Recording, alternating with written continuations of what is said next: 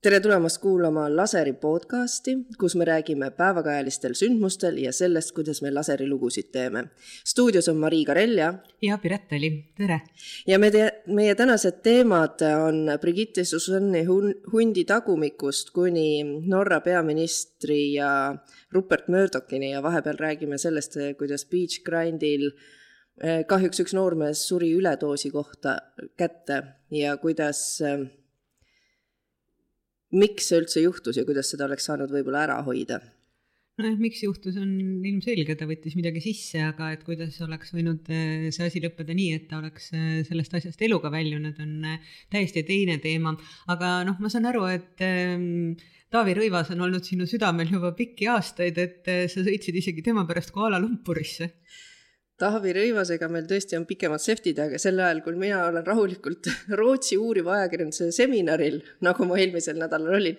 ja loen Eesti uudiseid ja avastan, kuidas see saab võimalik olla et Taavi Rõivas, endine peaminister, on taaskord sattunud mingisugusesse ahistamisskandaali. ja mul oli tükk aega nagu väga suur segadus, sest eelmine kord, aastal kaks tuhat kuusteist võis see siis olla kohe täpsustame ja täitsa, täitsa nii. Äh, eelmine kord oli tegelikult ju ahistamisjuhtum äh, tõsine ja. kaks tuhat seitseteist, jah. Mhm. peaminister käis koos EAS-i äridelegatsiooniga Malaisias äh, Kuala Lumpuris ja see üritus tekitas hiljem väga palju küsimusi. aga see case ise oli siis selline, et toimus mingisugune pidu hotellis, väga peenes hotellis ja õhtu lõpetuseks peaminister Taavi Rõivas lükkas mingi naisterahva kahe külmkapi vahele ja oli seal hakanud teda suudlema ja seelikut üles kiskuma.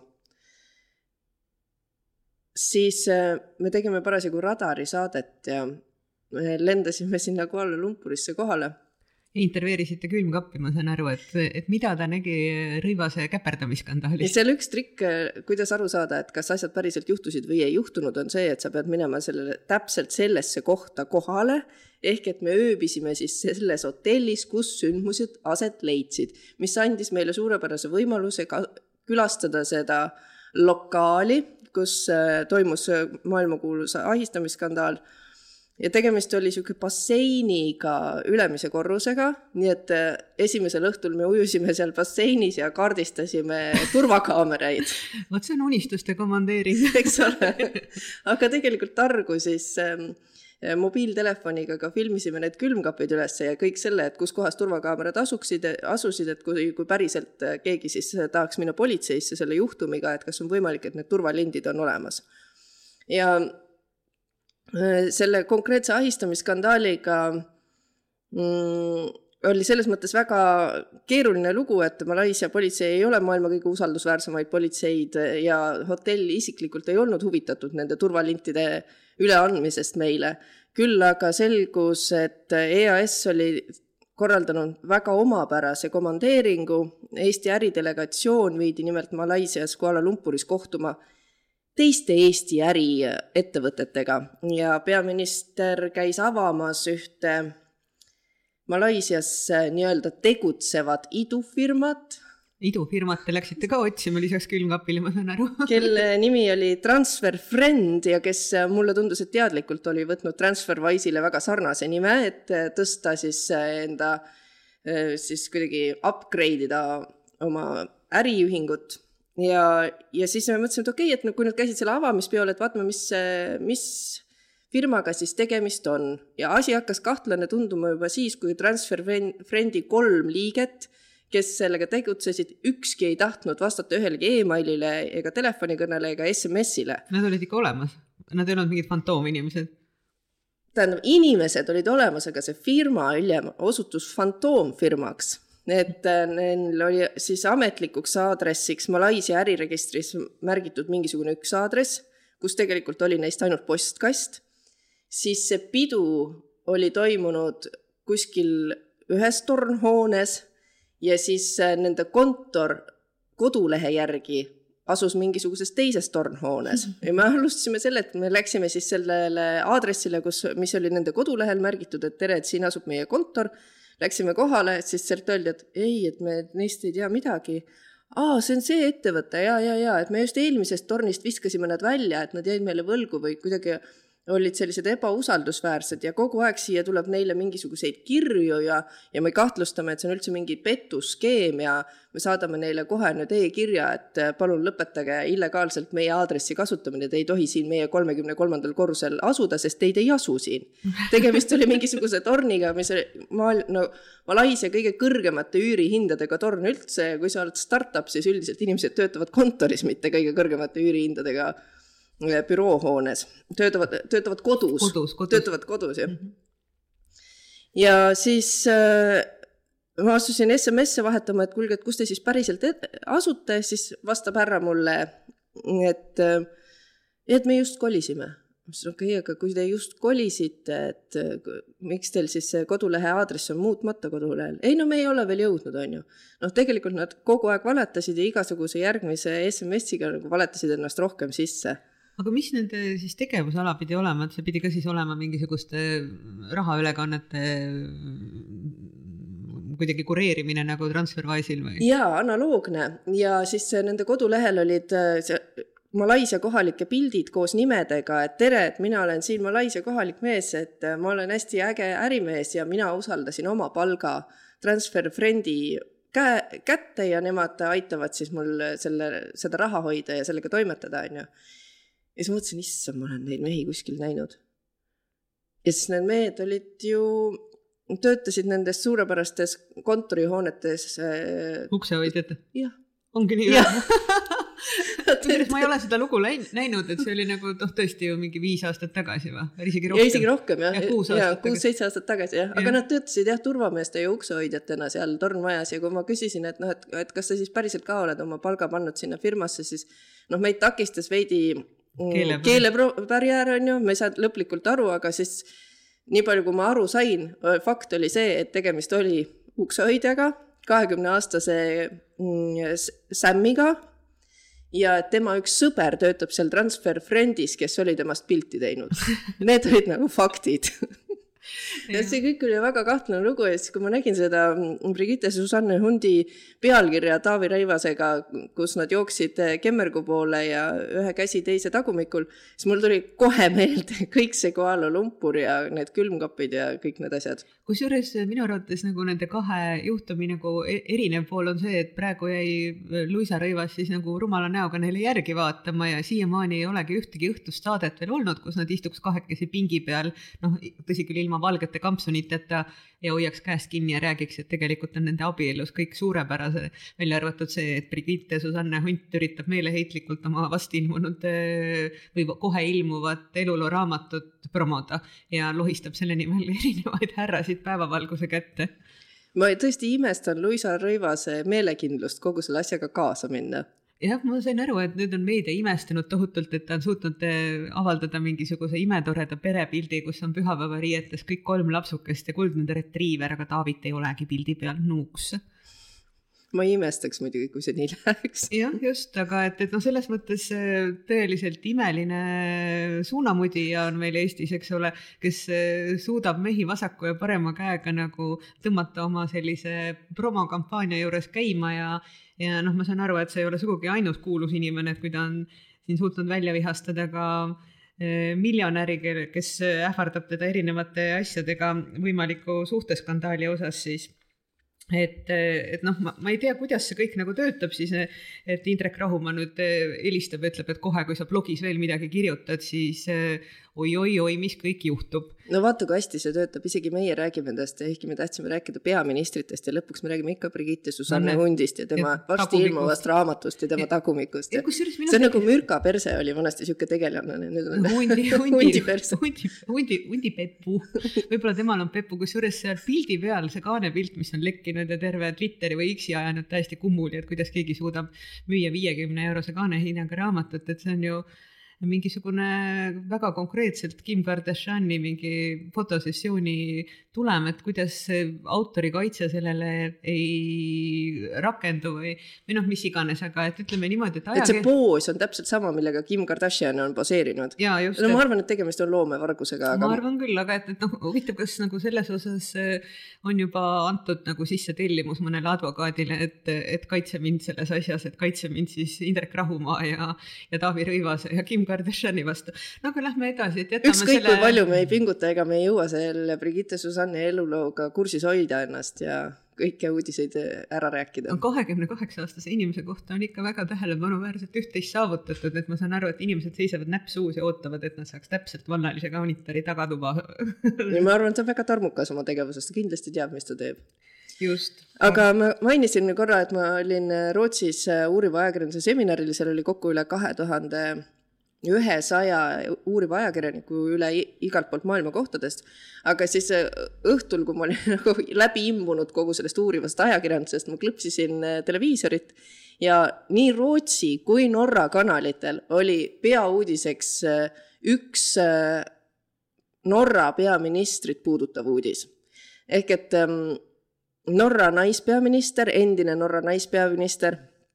on Erna Solbergi. Erna Solbergi on äh, skandaali kistud oma mehe äride tõttu, et ähm, tema mees äh, Finnes on siis kaubelnud ähm, Sinke Finnes. Sinke Finnes on kaubelnud aktsiatega ja, ja ma, ma ei saanud alguses aru, ma vaatasin tükk aega nagu neid uudiseid ja siis Google Translate'iga tõlkisin, et milles see probleem on, et mees kauples aktsiatega, et okei okay,, et kui ta on ärimees, et mis, mis siis on, kui ta kauples aktsiatega, on ju. siis äh, ma otsisin üles siis äh, seminarilt Norra ajakirjaniku ja lasin asju selgitada ja selgus, et nad on hiljuti äh, siis äh, võtnud vastu vastavad äh, aktid, et kui sa oled riigiametis, siis sinu lähikondsed, abikaasad, elukaaslased ei tohi kaubelda mm, aktsiatega ja Finnes oli siis äh, kolm tuhat kuussada aktsiat, äh, aktsiatehingut teinud ja kahtlustatakse, et kas siis ta ei võinud kasutada mingisugust siseinfot näiteks. aga mis nagu selle asja juures kõige märkimisväärsem oli, et mida siis ütles see naispeaminister, noh, enda vabanduseks oli see, et ma ei teadnud, et mu mees seda teeb, sest me kodus ei räägi eriasjadest. issand, kas nad on mingisuguses ühes PR koolituses käinud koos Kaja Kallasega või? Ja see ainus erinevus äh, selles juhtumis Kaja Kallasest on see, et äh, Norra peaminister asus siis avalikult oma meest hukka mõistma, ütles, et noh, ma olen väga pettunud, et ta mulle valetas. ta abikaasa on ka avalikult öelnud, jah, ma varjasin, ma valetasin, aga noh, ma luban teile, et ma ei kasutanud mingit siseinfot ja, ja värk. et rahalises mõttes need tehingud ei olnud ju väga suured, et see oli kokku mingisugune sada viiskümmend tuhat või no igal juhul ei olnud seal miljoneid. no jumal teab aga, aga noh, kas see on ka siis nagu praegu toimiv peaminister, endine peaminister? ta on endine peaminister ja täpselt äh, sama kahtlus on siis praegusel välisminister, kes on ka naine ja kelle nimeks on äh, Anniken Huitfeld ja ka tema mees on siis aktsiatega kauplenud, tema on praegune välisminister ja paha, paha, paha, mõlema paha, naise paha. puhul siis nõutakse tagasiastumist ja see on tõesti väga-väga suur skandaal, et mis meile justkui tundub grammikese võrra pehmem kui äh, meie peaministri skandaal, kus ta seal mingit idaraha abi... ju ei ole, kõik käib nagu börsil ja kõik on väga comme il faut. ja, ja venelastega mingit äh, tiiva ripsutamist ei ole toimunud, on ju, aga see on tõesti väga suur skandaal kõikides äh, siis suuremates äh, päevalehtedes on see kaanel ja päevade kaupa telesaadetes ja selle üle nagu tõsiselt arutatakse. no võib-olla on ka tegelikult nagu selline härja ja Jupiteri teema, et inimestel on hea meel, et ka nagu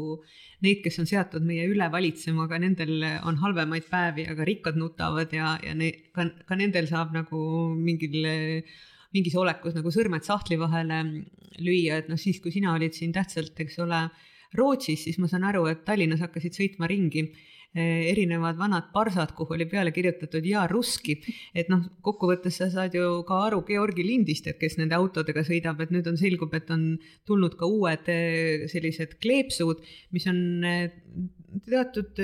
seosega vene rahvusliku ärkamise või noh, isegi peaaegu nagu niisuguse natsistliku ärkamisega, et on olemas räppar Šaman, kelle kodaniku nimi on siis Jaroslav Tronov ja kes on saanud sellise Z-generatsiooni äh, Äh, Kremli-meelsete põlvkondade mm, hääletoruks ja siis ta on jah, kahte laulu laulnud, et üks on see Ja Ruski, seesama, mis need kleepsud on Tallinna tänavatele toonud ja, ja osa neid kleepsuomanikke on hakanud ju ka pilduma maju, kus on Ukraina lipud akendel. ja noh, kokkuvõttes siin juba hõõgub minu arvates juba pronksiöö vääriline konflikt õhus aga et kas see Ja Ruski või, või siis teine on Vstanjem, eks ole, on ka üks tema laul mida on siis vaadatud nelikümmend üheksa miljonit korda ja Ja Ruski on kolmkümmend üheksa miljonit ja noh, osa nendest on ikkagi konkreetselt on tegu sellise äh, blondi väga nagu aariarassile vastava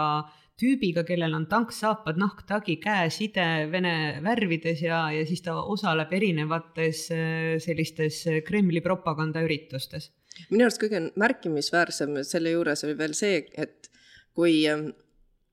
Venemaa siis miilits on läinud mingitele baarihaarangutele või kuskile üritusele sisse murdnud ja tahtnud seal mingisuguseid pätte kinni võtta, et siis taustaks olla mängitud seda lugu Ja Ruski, et konkreetselt ära siduda, et näed sa, siin Vene võim, see tähendab seda lugu, selle me seome sellega ära, et see ongi meie nüüd uus võimu pühendav hümn Z-generatsioonile just, sest kõige hullem oli minu arvates see, et mida ma suutsin vist mingilt välismaa Guardiani leheküljelt leida loo, kus äh, esitati seda lugu koolis ja terve saalitäis lapsi tõstis üles parema käe, mis on teatavasti siis natsismist tuntud Rooma tervitus. et, et, et noh, millega noh, et kas siis nagu on selline Berliini langemise eelne aeg, kui tuua paralleel Teise maailmasõjaga, et juba, eks ole, Putin väriseb punkris ja kõik, mis on järgi jäänud, on nagu propaganda ja, ja, ja siis selline mm, propagandasõda, aga et see nagu nii kergesti jõuab ka siis äh, noh, Tallinna või Riia või Vilniuse tänavatele, on nagu päris hirmuäratav, et sa siin oled ka ju intervjueerinud erinevaid äh, saadikuid. Äh, rahvasaadikuid. rahvasaadikuid, just. ja ma küsisin, et kas sa tead äh, šamanni, sest et ma tõesti nagu umbes eile sinu soovitusel asusin seda lugu kuulama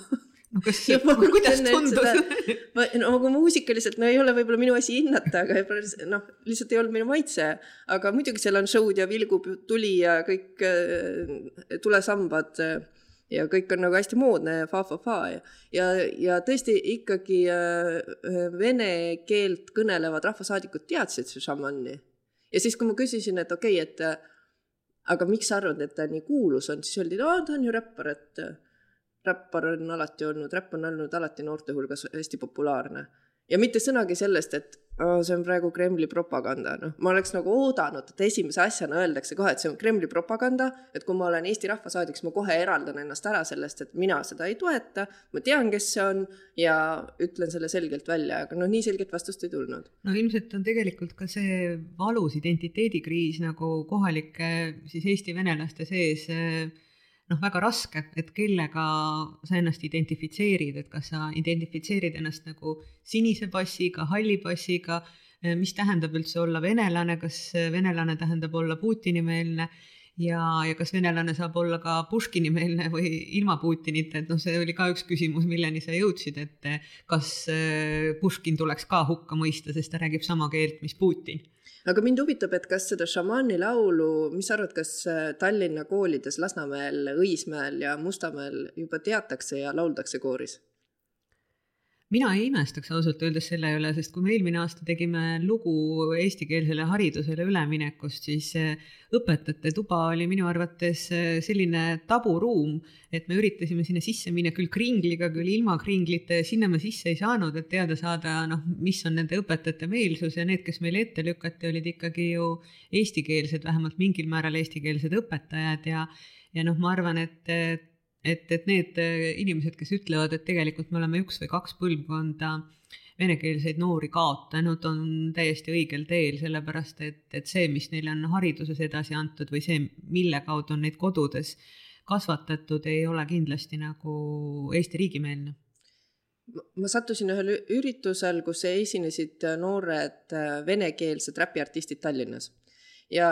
hiljem nendega vesteldes küsisin äh, siis ka mingisuguseid küsimusi Ukraina sõja kohta ja noh, et see huvitav ei ole küsida nagu seda, et, et mis sa sellest sõjast arvad, sest no oi, Sudaan ikka halb ja nii edasi, onju. aga et siis äh, need noored mm, vastasid, et oi, sõda või? no mina ei tahaks sellel teemal üldse rääkida. me tahaksime, kõik oleks rahus see kõlab nagu Aivo Peterson, see kõlab täpselt nagu sini, sini, sinimustvalgete käpikutega rahutuvi, kes, kes küll pandi nagu puur istuma. aga et noh, samas ma märkasin sedasama, kui ma ka siin intervjueerisin Narvas seda noortebändi Pale Allison, kes meil oli ühes Narva teemalises saates ja nemad ka ju panid alguses kohe, kui sõda algas, oma Instagrami selle postituse, et nad on selle Ukraina sõja vastu ja noh, selles mõttes on see nagu huvitav läbilõige mõnes mõttes nagu Eesti või Narva siis elanikkonnast, et seal on äh, kolm noort, kes on siis Eesti kodakondsed ja kaks, kes ei ole. ja minu arvates need kaks ei tunne sellest Eesti kodakondsusest üldsegi mitte puudust ja kui ma küsisin äh, siis Nikolai Vigolja käest, et kuule, kas oht sind ei taba, et sa oled siin piiri ääres, et kui sulle tuleb, eks ole, sõjaväekutse, et kuigi sul on siin pikaajaline elamisluba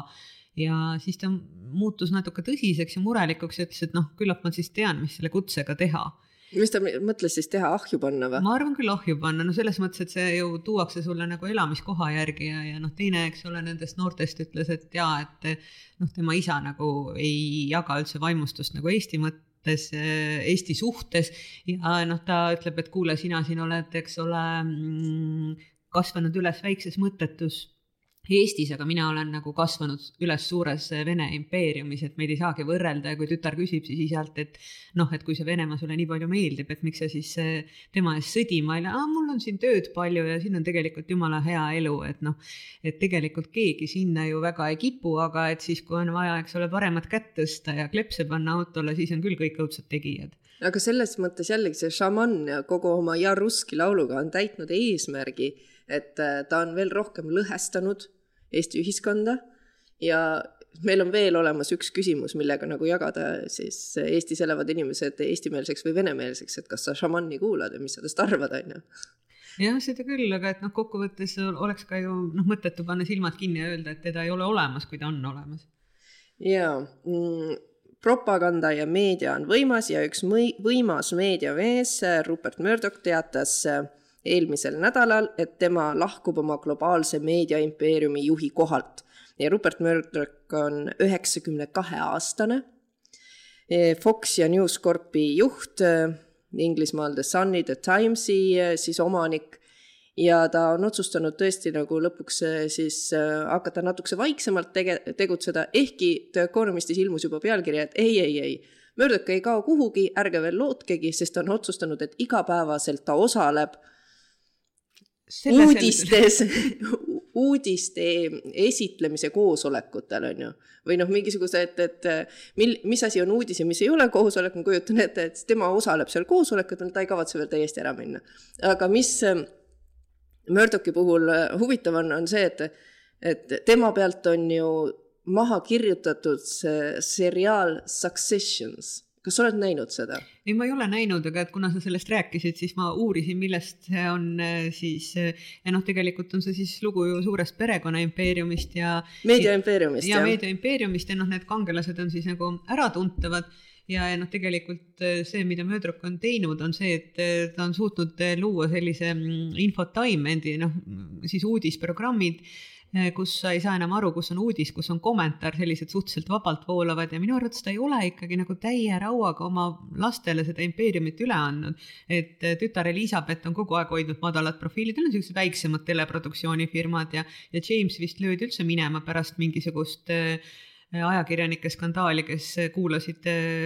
telefone pealt ja, ja nüüd ta siis annab selle, mis iganes oli selle poja nimi, mingi kummaline nimi oli Laklan või?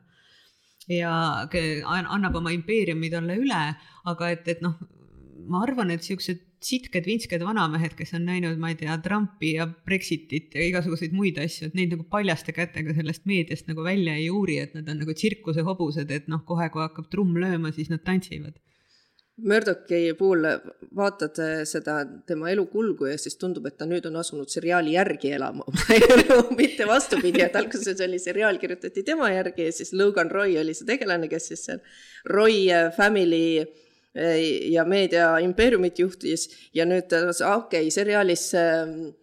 peategelane küll suri ära ja andis oma siis justkui pojale üle selle ja et eh, noh, siis nad peaks ka nagu tagasi tõmbama, et kui seriaalis seda juba tehti, siis tõmban tagasi, annan siin pojale Laklanile üle selle. aga kui seriaalis juhtus niimoodi, et eh, vanem poeg tahtis eh, juhtima hakata firmat ja siis nooremad otsustasid, et me ei ole sellega nõus. Ja lõpuks siis hoopiski väimees kaaperdas ürituse. vot temast on... ei olegi nagu midagi kuulnud. Eks ole. Et siis äh, siin äh, päriselus Tom Wamskamsi näha ei ole, küll aga spekuleeritakse selle üle, et huvitav, kas äh,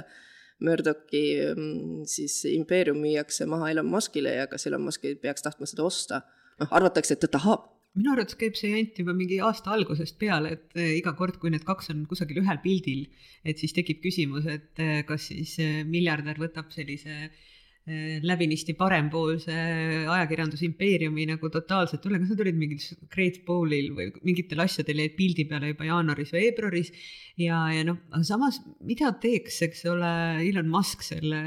niisugune suhteliselt nagu vanamoodsa impeeriumiga nagu ajalehed või kaabeltelevisioon või mida iganes, et no võimu äkki? no võimu ilmselt jah, aga et, et noh, samas ma ei tea, võib-olla ma olen liiga vana, aga mulle nagu see Möödruki perekonna impeeriumi mõte nagu ikkagi meeldib, sihuke parem konservatiiv ja, ja noh,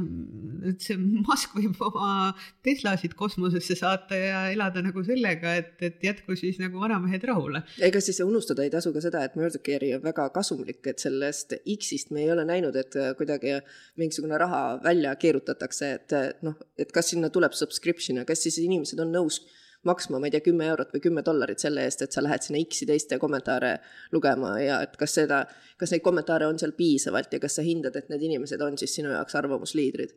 nojah, et samas, kui ta ostab, eks ole, kõik need asjad kokku ja ta nagu lõdvendab äriliselt neid reegleid, et mis mulle käis Musk'i puhul närvidele, oli ju see, kui me Andrew Tate'ist pikalt rääkisime, siis ta sai ju igalt poolt sotsiaalvõrgustikest bänni ja siis mingil hetkel avas tal Musk oma südame ja ja kanalid ja ta sai järjekordselt nagu mürgitama minna noori hingi, et noh, ma, ma ei saa sellest nagu päris täpselt aru, et noh. mis, mis naru on saada, Musk on lihtsalt konservatiivne jah, jah, jah, jah, jah. kas ta on konservatiivne, ta on ahne, ma arvan. toksiline maskuliinsus pritsib välja temast. jah, just, et, et noh, selles mõttes, et noh, anda nagu oma, oma kanalite hääletoru sellele, noh, mitte et võib-olla Möödrok on ka samamoodi, eks ole, valmis igasuguse edu nimel oma vanaema maha müüma. aga, aga noh, võib-olla siis mingisugused väärtused võiksid olla nagu ühtselt kõnetavad, et see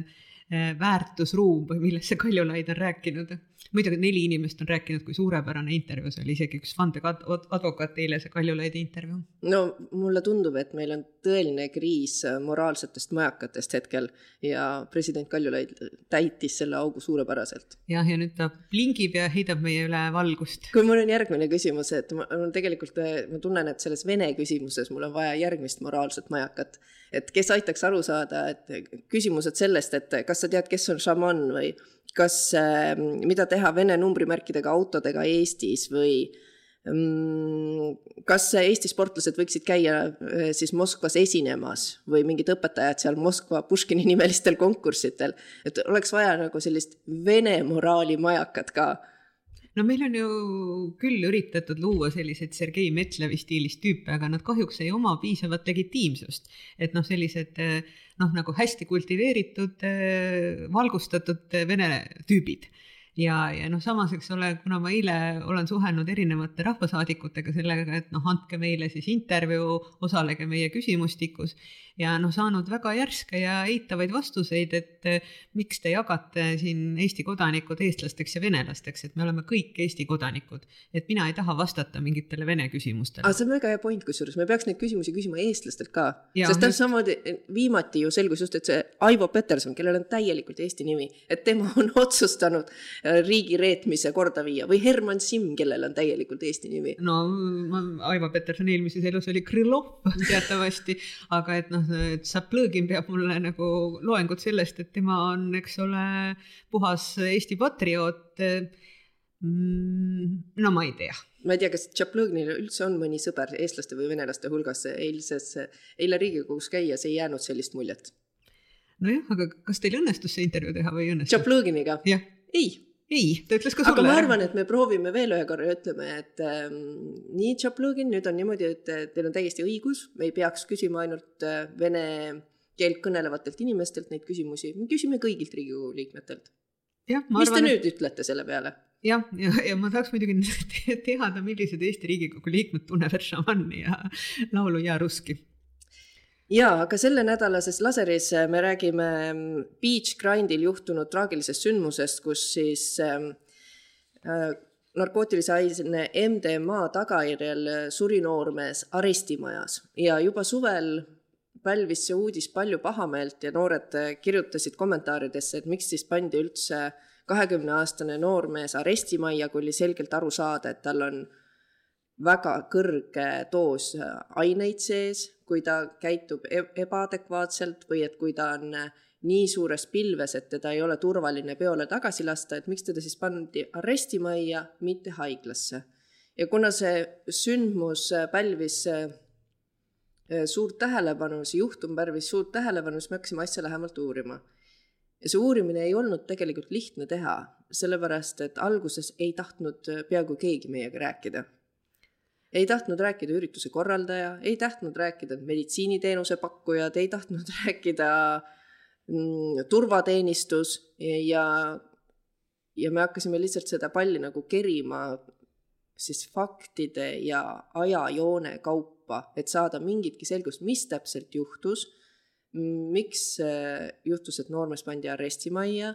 millised on need protseduurid, mida viib kiirabitöötaja läbi, et aru saada, mis seisus inimene on või millised on need protseduurid, mida viib politsei läbi, kui inimene paigutatakse arestimajja. ja selle uurimise käigus äh, lõpuks äh, siiski kõik osapooled andsid omapoolsed kommentaarid ja intervjuud, nii meditsiiniteenuse korraldajad kui ürituse korraldajad, ja sõna sellest, et me seda asja uurime, liikus ka selle noormehe isa kõrvu. ja ühel päeval siis helises sinu telefon, Piret jah, helises telefon ja, ja noh, praegu on ka põhimõtteliselt, kuna me ei räägi selle noormehe isikust, me teame, kes see on ja me ei räägi ka tema perekonnast, et noh, see oligi nagu see oli mõnes mõttes nagu mingi sündimise lugu, et äh, kuidas nimetust äh, nimetust inimesest sai isiksus, kellel on äh, mingisugune lugu taustaks ja, ja ma pidasin selle isaga päris mitu vestlust, ta on minu telefonis surnud poisi isana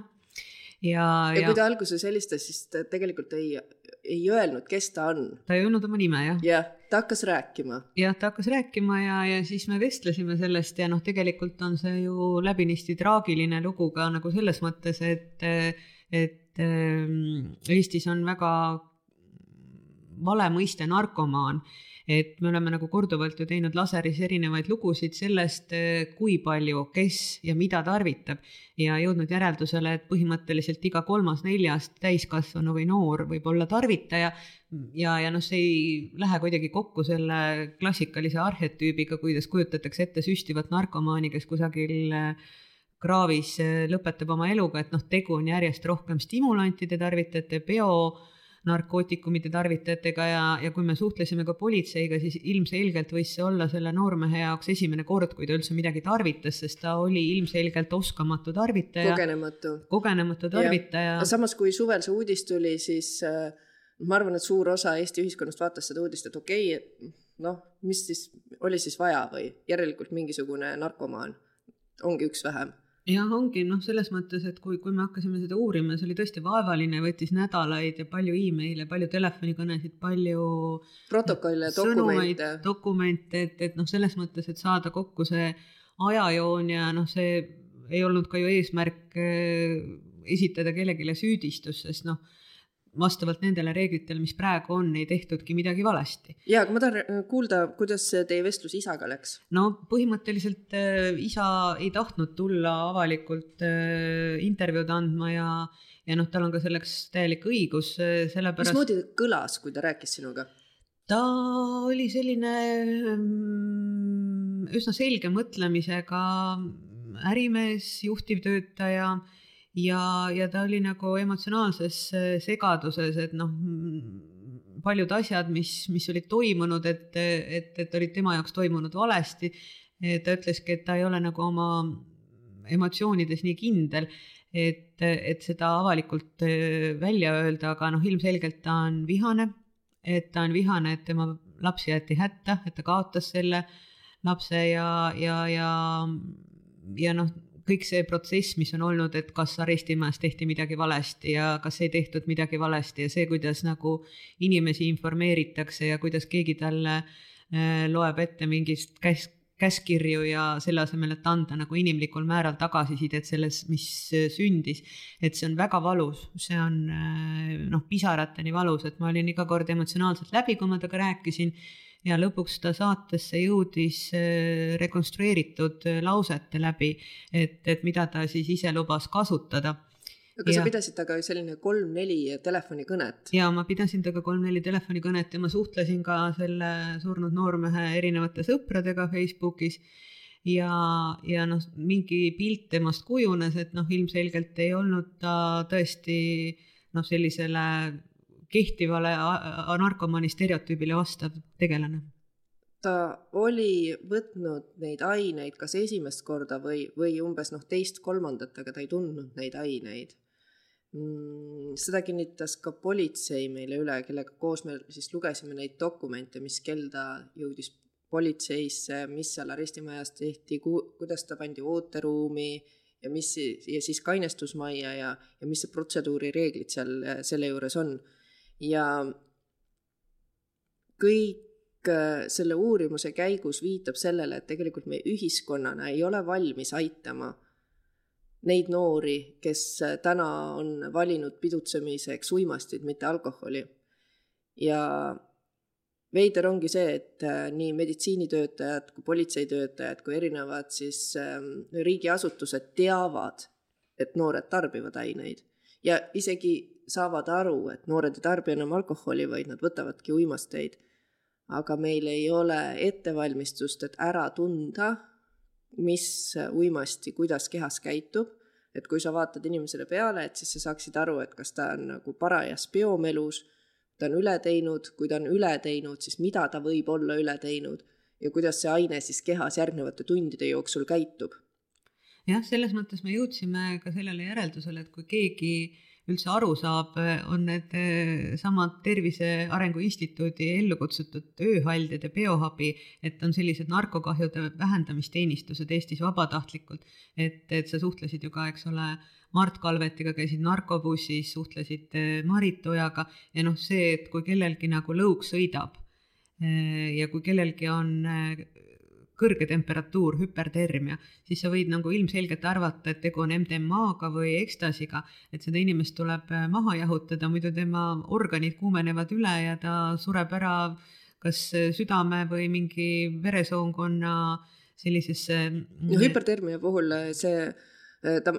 keha lihtsalt ei saa selle temperatuuriga hakkama ja organid üksteise järel lakkavad töötamast, aga see nukraks tegigi see osa, et kui ma küsin meditsiinitöötajatelt, et äh, kuidas te tunnete ära ekstasi üledoosi,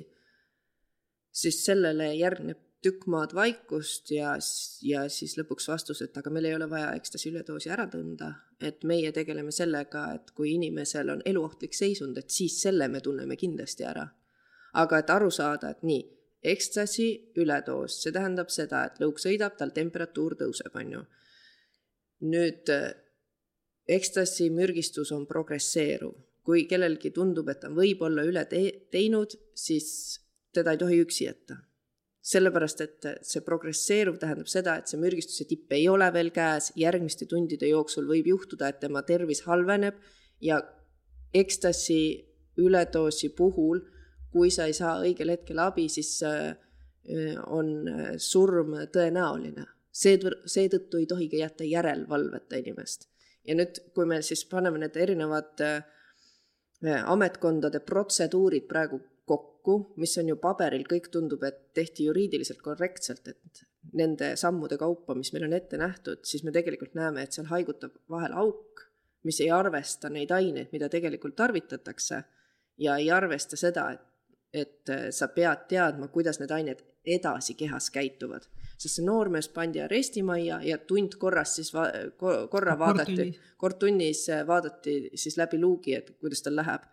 No kokkuvõttes oli ju ka noh, kuna me käisime, eks ole, nii Pärnu arestimajas kui ka Pärnu kiirabis ja üritasime seda ööd rekonstrueerida, siis mõlemas asutuses oli ju täielik hullumaja puhvet, et noh, neid inimesi, keda sinna toodi, oli ju kümnete kaupa, kes olid siis noh, ilmselgelt, miks see noormees sattus ka arestimajja, oli see, et ta võis olla endale ja teistele ohtlik, et noh, ma ei tea, kas noh, tal ei olnud isegi võimalik võtta uriinitesti, sest ta ei püsinud paigal. Ja noh, see, mida sa said seal arestimajas aru, et, et noh, kokkuvõttes on see päris hullumeelne koht, kuhu noh, inimesed saabki eraldada ruumi, kus ei ole isegi voodit. sest sa, sa ei tea, mida nad seal nagu korda saadavad, kas nad rebivad oma riided katki, kas nad rebivad madratsi katki, määrivad seinad väljaheidetega, et noh, see meenutab juba nagu loomaaeda. ja et võib ju tunduda, et see lihtne lahendus on see, et okei okay,, kui kellelgi on üledoos, et siis paneme ta haiglasse, aga tegelikkuses seal haigla töötajad ei pruugi uimasti üledoosis inimesega selles mõttes hakkama saada, et nad on ettearvamatud ja võivad kallale tungida või siis eh, tõesti eh, teha endale viga või inventarile viga, et äh, arestimaja ooteruumis mm, on üks selline lavats ja ma istusin sinna lavatsi peale ja toetasin selja vastu seina ja siis pärast ütles mulle politseitöötaja, et okei okay,, et pane kõik need riided pärast pesumasinasse et sa lihtsalt, sa ei tea, mis siin ooteruumis toimub, et see, need seinad on näinud äh, verd, spermat ja sitta. ja võib kindel olla, et see pestes ei ole kõik maha tulnud, et äh, need ained, neid üle doseerides, nad tekitavad ikkagi täieliku äh, segaduse inimese peas, et ei saa sellega hakkama ja neile, nad annavad mingisuguse loomajõu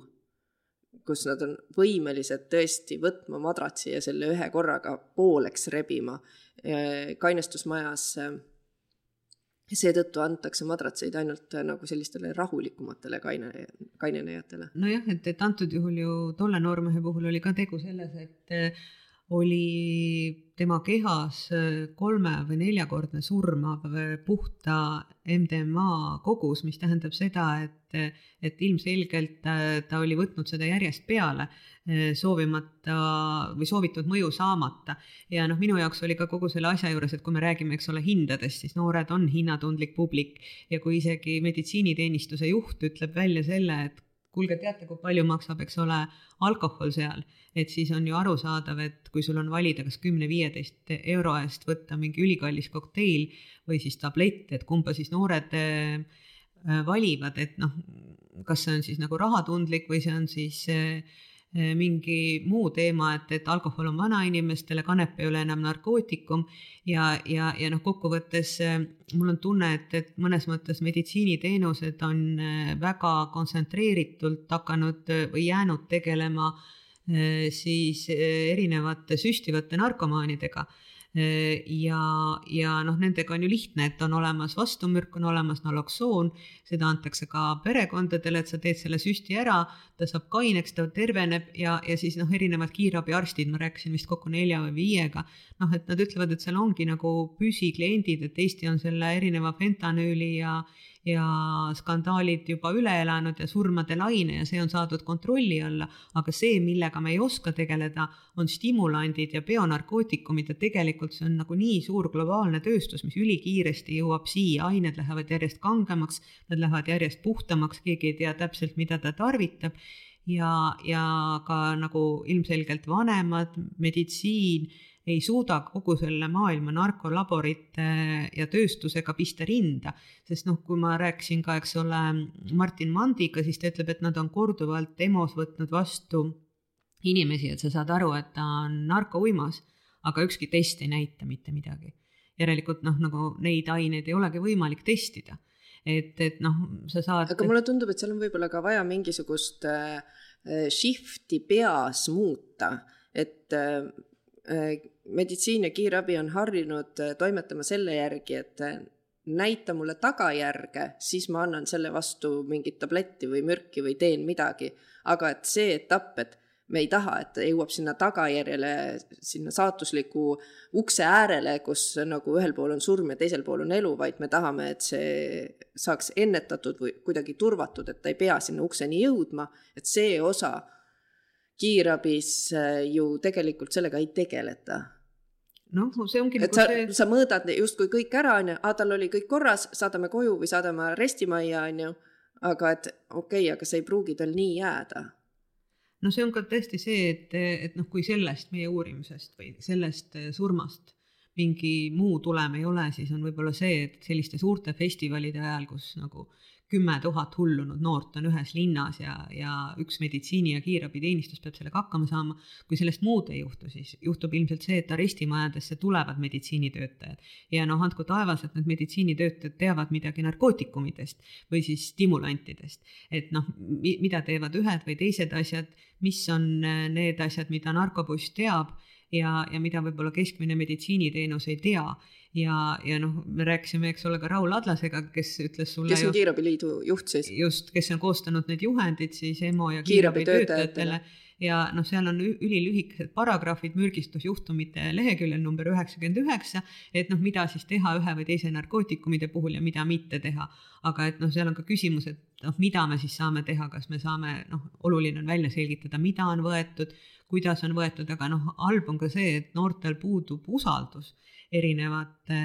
instantside suhtes, et sa noh, kui kardetakse kutsuda kiirabi, kardetakse öelda, mida sa oled tarvitanud, see tähendabki seda, et eh, paljudel juhtudel võidakse ka surra kodus, mitte arestimajas. ja, ja noh, ka vanemad ei tea ju mitte midagi, eks ole et eh, nagu ütles eh, Ain Peil, siis siseministeeriumi narko, narkoametnik, et, et kõik pluss viiekümnesed inimesed on täielikus teadmatuses. Rääkida äh, viie, üle viiekümne aastaste inimestega narkopoliitikast, lihtsam on peaga vastu seina joosta, et, et see lihtsalt nagu tundub mingi põlvkondade erinevus olevat, et narkopoliitika äh, tähendab äh, vanemate inimeste jaoks seda, et tuleb õpetada, et narkootikume ei tohi teha. aga vot see rong on kahjuks läinud, et nüüd tuleb loomulikult öelda ka seda, palun ära tee, aga kui sa teed, siis tee seda turvaliselt. Jah, see ongi seda... täpselt seesama, et, et, et see peaks olema seal pileti peal, see teavitus peaks olema, et peaks olema need bioabitelgid ja noh, kõik need asjad ei ole vaja absoluutselt leiutada jalgratast, et need kõik on olemas, eks absoluutselt, sest pileti peal on kirjas ju parkimisinfo näiteks, kuhu pargid auto, on ju. samamoodi võiks seal pileti peal olla kirjas, kui sa tarbid mingeid aineid, siis palun ära tarbi alkoholi ära tarbi segamini. ära tarbi segamini, joo vett, veepunktid asuvad siin ja siin, vesi on tasuta, ühesõnaga noh. Ja ära tarbi üksinda. jah, et mitte teha seda nägu, et justkui keegi ei tarbiks, sest et tegelikult needsamad ööhaljad, kes äh, siis käivad ja, ja tegelevad kahjude vähendamisega erinevatel festivalidel, nad käisid sellel suvel kokku seitsmel äh, suurel festivalil ja nad ütlevad, et no seitsekümmend protsenti noortest äh, tarbib aineid. et see seitsekümmend protsenti, see on mega, see on mega suur protsent. No see täpselt nii ongi ja noh, peab tunnistama, et selle surnud poisi isa ei ole ainus lapsevanem, kellega ma viimasel ajal olen äh, rääkinud, kes on oma lapse narkootikumitele kaotanud ja, ja noh, et äh, need ei ole mingisugused äärepealsed perekonnad, need on täiesti inimesed nagu mina või sina kes, kes, kes võivadki kaotada ja noh, ma rääkisin ühe poisi emaga, kes kaotas menukale globaalsele mm, retseptiravimile oma kahekümne nelja aastase poja ja, ja ta ütles, et tal puudus vähimgi arusaam sellest, et, et nagu poeg midagi tarvitas, nagu ta oli kohati uimasem, alkohol see ei olnud, noh, hea küll, sõbrad surid küll üledoosidesse ära ja, ja noh, tegu ei olnud mingite eluheidikutega, vaid ikkagi noh, pigem nagu e-, e-, eliitkoolide lastega. eliitkoolide lastega jah mm., et, et selles mõttes ähm, noh, tuleks hinnata pigem ümber selle tarvitaja selline profiil, profiil ja kuvand, eks ole et, et noh, vaadata ka oma tutvusringkonnas, kui ma mingil hetkel tulin välja ühes reedeõhtuses seltskonnas teadmisega, et Eestis iga Äh, mitmes täiskasvanu, kolmas-neljas on tarvitanud ja siis ei no, kes see on tarvitanud, mis ei ole, aga ma olen, aga ma olen, ma olen ka noh, kaheksast mm -hmm. inimesest üle ühe. et, äh, et, et. mis viib tegelikult järelduseni, et ilmselge on, et iga noh, vähemalt festivalidel oleks olemas äh, see testtelk, kuhu siis noored, kes on otsustanud, et täna õhtul mina tarbin uimastit, et olla, ma ei tea, kuidagi eriti eufooriline, et ta saab siis läbi masina testida, et kas see aine, mida ta nüüd tahab suhu panna, kas see päriselt on ka see, mida ta arvab olevat. Ja selle testimistelgi nagu siis põhiline mõte on selles, et seal seisab keegi kõrval, kes ütleb, et mõtle nüüd mitu korda järele, kas sa tahad seda teha kui sa tahad seda teha, siis palun ära tee seda ja seda ainet peale. nii, vaatame, siin tulid sellised tulemused, sa pead arvestama, see on sellise kangusega ja nii edasi.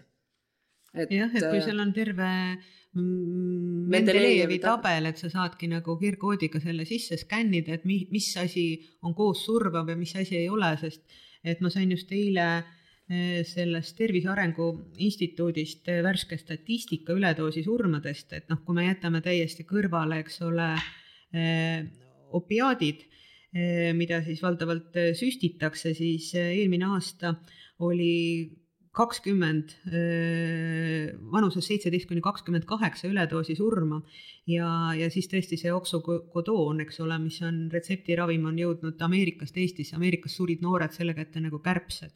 Ja, ja noh, et, et see jõuab nagu nii ruttu siia ja, ja noh, ka tõesti tramadool, mis on tugev sünteetiline siis valuvaigisti ka, et, et noh, järjest nooremad inimesed, eks ole, tarvitavad neid ja, ja noh, enamik neist juhtumitest ei ole puhtad, vaid nad on segatarvitajad. et nad tarvitavadki erinevaid aineid, et noh, et, et see, mis selle asja juures juba mitmendat korda tuleb välja, on see jaanalinnu poliitika, et noh, me ei räägi sellest, tähendab seda, seda ei ole olemas, et noh, mm. noh, me ei taha vaadata ringi oma kodus või oma tutvusringkonnas sellega, et kuulge, kes tarvitab ja noh, kui me näeme, et reovee uuring näitab seda, et iga nädalavahetus tõuseb äh, üles äh, noh, kellel kokaiin, kellel amfetamiin, kellel kanep, eks ole, äh, see tarvitajate hulk on suur. võib-olla me liialt süüdistame jaanalinnu efekti, aga võib-olla lihtsalt see probleem on nii suur, et seda ei osata mingist otsast arutama hakata. et see tundub nagu appikene, see kera on juba veerenud, et äh, käed võivad jõuetult rippu ja ma ei tea, mis otsast, mis, missuguseid samme astuda, et see kõik oleks nagu efektiivne. et ähm, siseministeerium äh, siis äh, paar nädalat pärast meie intervjuud kutsus kokku ka ühe suure koosoleku, kus osales kakskümmend viis erinevat Eesti eksperti siis politseist, kohtuekspertiisi ametist, Tervise Arengu Instituudist, Vaimse Tervise Peaasi Keskusest et äh, arutada neid narko siis kitsaskohtasid ja nad palusid, et ma Laseri poolt räägiks, et mis need siis õppetunnid olid, et mis me selle Beach Grandi juhtumi uurimise puhul siis tähele panime. Ja me tõesti rääkisime nelikümmend viis minutit ja ma kas-, katsusin nagu hästi süstematiseeritult siis punktide kaupa välja tuua, et mis minu arvates nagu võiks siis, kust otsast seda lahendama hakata. ja sealt siis kooruski välja see, et testimistelgid pidudele kõigile kohustuslikuks, mitte ainult osadele pidudele, siis need osad peod siis ei taha võtta, sellepärast et neile tundub, et neil on mingi narkoüritus, on ju. kusjuures see on tasuta teenus mm,? testimistelgid, neid veel ei ole, aga mm. küll on tasuta teenus ööhaldjad. Öö, ööhaldjad kõikidele kohustuslikuks, mis on siis äh, kahjude vähendamisega tegelevad noored, on ju. Äh, muuta, äh, püüda muuta siis juriidikat, sest seadustes täna on täpselt samamoodi karistatav uimasti tarvitaja kui uimasti müüja, et nad kõik lähevad ühe paragrahvi uimasti käitleja alla, aga et püüda seda vahet teha, sest et aastal kaks tuhat kakskümmend ähm, kaks tuhat inimest karistati oma tarbimisharjumuste pärast, sest nad tarbisid äh, siis äh, aineid, mis ei olnud perearst neile välja kirjutanud retseptiga arestimajja sisse viia ööpäevne meditsiiniteenus. vähemalt festivalide ajaks, kui on nagu teada, et sinna tuleb nagu mingisugune metsik tramm. Äh, meditsiini, eelkõige siis kiirabi ja erakorralise meditsiini osakondade personali teavitamine, millis, mida teeb üks või teine aine kehas, mis mõju tal on ja mil, mida ta siis tunni aja pärast teeb, mida teeb kahe tunni pärast, mida teeb kolme tunni pärast, sest noh, seal oli ilmselge auk selles teadmistes, on ju mm,. politsei mm, sisejuurdluse tulemusena jõuti ka sellele järeldusele, et ka politseinikele tuleb teha seda koolitust veel ja veel juurde ja et seal ongi, et kui politsei siiani on harjunud suhtuma tarvitajatesse kui kurjategijatesse, et kuidas see muuta ära, et üldises osas politseinikes äh, oleks see teistpidi, et need tarvitajad ei pruugi olla ilmtingimata kurjategijad, vaid nad on lihtsalt äh, oma tarbimisharjumuste ohvrid. ja vot see on keeruline koht no see ongi nagu see usalduse või sellise mingisuguse turvalisuse pinna tekitamine, sest sa küsisid ka siis Lääne prefektuuri kriminaalbüroo juhilt Margus Raspelilt, et issand, vanemad surevad ära praegu televiisori ette, kui te ütlete noortele, kuidas tarvitada narkootikume. Et noh, kui me jõuame selleni, et see eeldabki nagu mõtteviisi muutust, et küsimus ei ole selles, kas tarvitatakse, vaid küsimus on selles, kuidas tarvitatakse. Ja kuidas tarvitada võimalikult väikeste kahjudega, et ma saan aru, et Raspelil erinevalt paljudest on äh, kaheksa-aastane kogemus Hollandist, et mis panebki ju vaatama teistmoodi, sest Hollandis on muidugi palju teisi probleeme, äh, kuna seal on paljud ained ka siis legaliseeritud. Aga, ja noh, kanepit on ka Eestis proovitud legaliseerida ja noh, tõesti tegelikult hea, et seda siiamaani pole tehtud aga et noh, midagi peab selles mõtteviisis ka muutuma ja vot sellised jututeemad olid täna ja katsume siit otsad kokku tõmmata. soovitan kindlasti vaadata Laserit episoodi sellest, mis räägib siis sellest Beach Grandi juhtumist ja, ja kahjuks üledoosiga juhtunud surmast.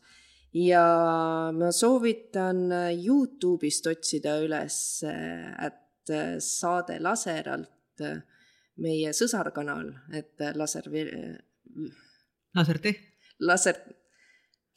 laser laieneb nüüd ka Youtube'i, ma soovitan Youtube'ist otsida üles saade Laser alt ähm, laserteklood, mis on äh, siis, äh, räägivad nendest äh, sotsiaalmeedia äppidest ja tehnoloogia vidinatest, mida me kõik igapäevaselt kasutame ja esimesed lood nendel teemadel lähevad sinna ülesse ja räägivad näiteks Facebook äh, Marketist, kust äh, meile kõigile pakutakse hästi soodsaid AirPods'e ja erinevaid kõrvaklappe ja fööne, mis selgub, et tegelikult on kõik fake. Ja kuidas me siis seal ühe fake diileri vahele võtame ja mis siis edasi saab, et seda saab meie Youtube'i kanalist näha.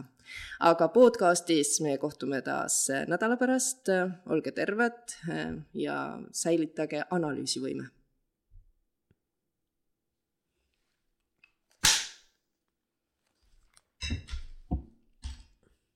otsime helirežissöör Helmut Vahterile. jah. Oplia üksteist, pool üksteist.